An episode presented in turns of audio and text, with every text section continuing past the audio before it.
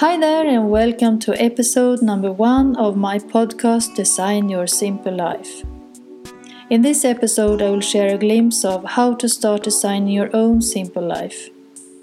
And I'm so excited to restart my podcast again, and I'm very happy you're listening. And I hope I will give you some inspirations to start simplify your own life.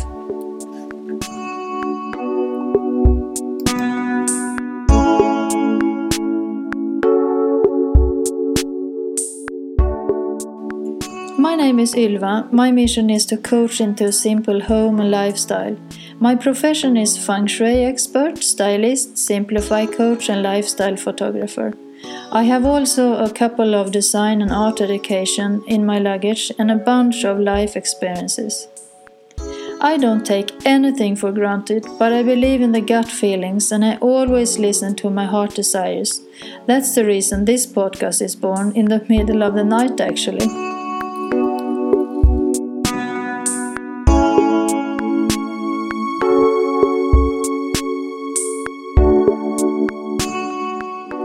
The latest years, my life has been affected of movings, and I have left so much things.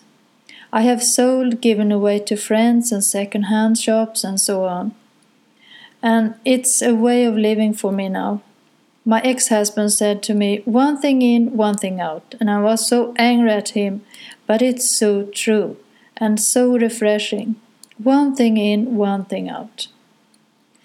When I moved from the house we had had for nearly 20 years, I thought I was finished with decluttering, but no, no, that was a very tough and stressed time in my life.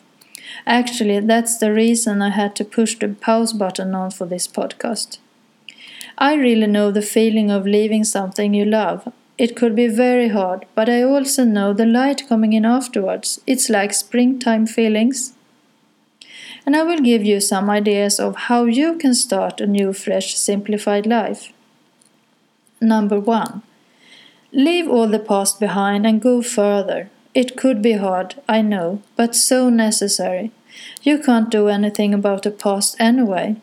Number two, start to clutter your home area. I suggest to start in the bedroom, which is the room you need calmness and harmony the most for sleep. And don't have pictures of your relatives in the bedroom. You need the energy for rest and not looking at them. If you have clothes in your bedroom, take them all on top of your bed and start one by one and see if you want them anymore or if maybe they can go. Place them in different categories and take one category at a time. Let this take the time you need, perhaps a couple of hours or a weekend. And if you have a very big wardrobe, you might have to spend longer time, I don't know. But take, for example, all shirts or trousers first and then start with a new category when it's finished. Don't look for overwhelm here. Don't forget to declutter your bed sheets. You are worth sleeping in sheets you love. Remove all worn out sheets and spend some money for two to three new sets or save the ones you love the most and look into your jewelry box and see if there are something you don't like anymore. Sell, give to friends or second-hand shops.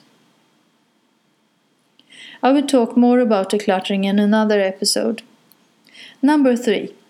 To get a flow in your life, you have to exercise. A walk, running, swimming, yoga, dancing, or whatever you like. It's not so important for how long time you do exercises. The most important thing is that you do it. That will bring more joy and harmony into your life, I promise you. I hope you like this, and if this is something you feel attracted to, you will find more information at my website, ylvamariadesign.se.